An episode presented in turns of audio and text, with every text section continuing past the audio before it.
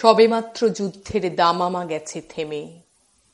সৈন্যদের বিজয় উল্লাস হচ্ছে ধ্বনিত। মৌর্য সম্রাট অশোক যুদ্ধক্ষেত্রে দণ্ডায়মান। সূর্যের আলোয় রক্ত সিক্ত তরবারি উঠছে ঝিকমিকিয়ে। রক্তের ফোঁটা তরবারি থেকে পড়ছে চুইয়ে চুইয়ে। মুষ্টিমেয় কিছু সেনা জীবিত।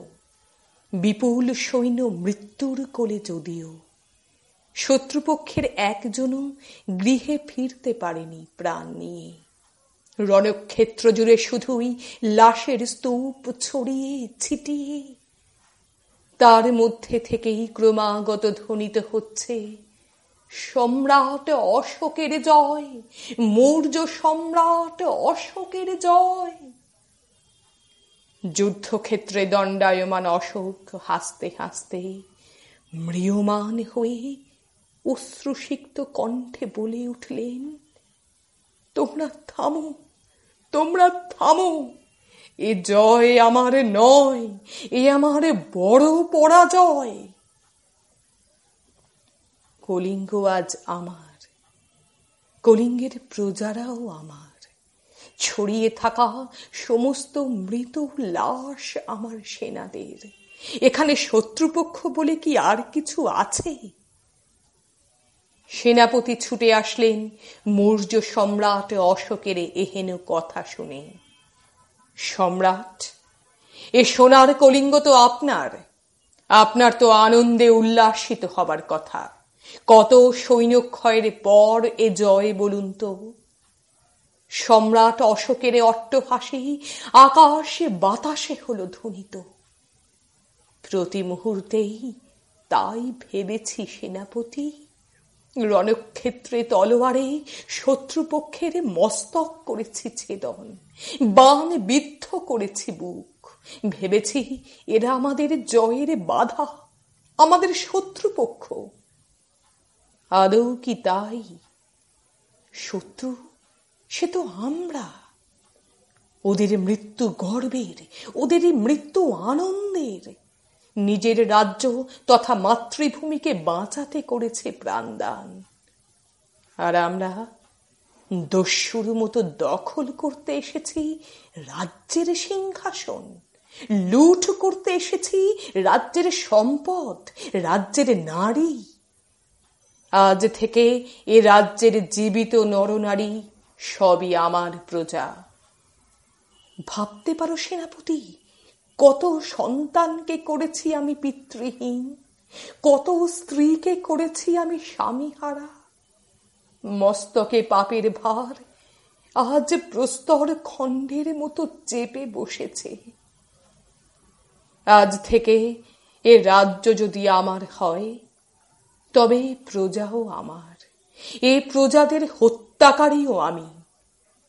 তবে কিসের জয়? আমার আত্ম অহংকার নাকি আমার বিবেকহীন অন্ধ শক্তির নাকি আমার মনে লালিত ভ্রান্ত গরিমার? হে ঈশ্বর, আমাকে ক্ষমা করো ক্ষমা করো আমায়। আমি মহাপাপী, আমি প্রকৃত সম্রাট নই। রাজ ধর্ম পালনে আমি ব্যর্থ। উড্ডীয়মান বিজয়ে পতাকা নামিয়ে ফেলো সেনাপতি। দেখতে পাচ্ছ না, ওতেও রক্তের দাগ লেগে আছে আমার প্রজাদের।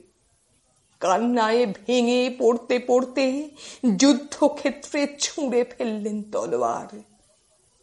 এ জয় লেখা থাকবে হয়তো ইতিহাসের পাতায়।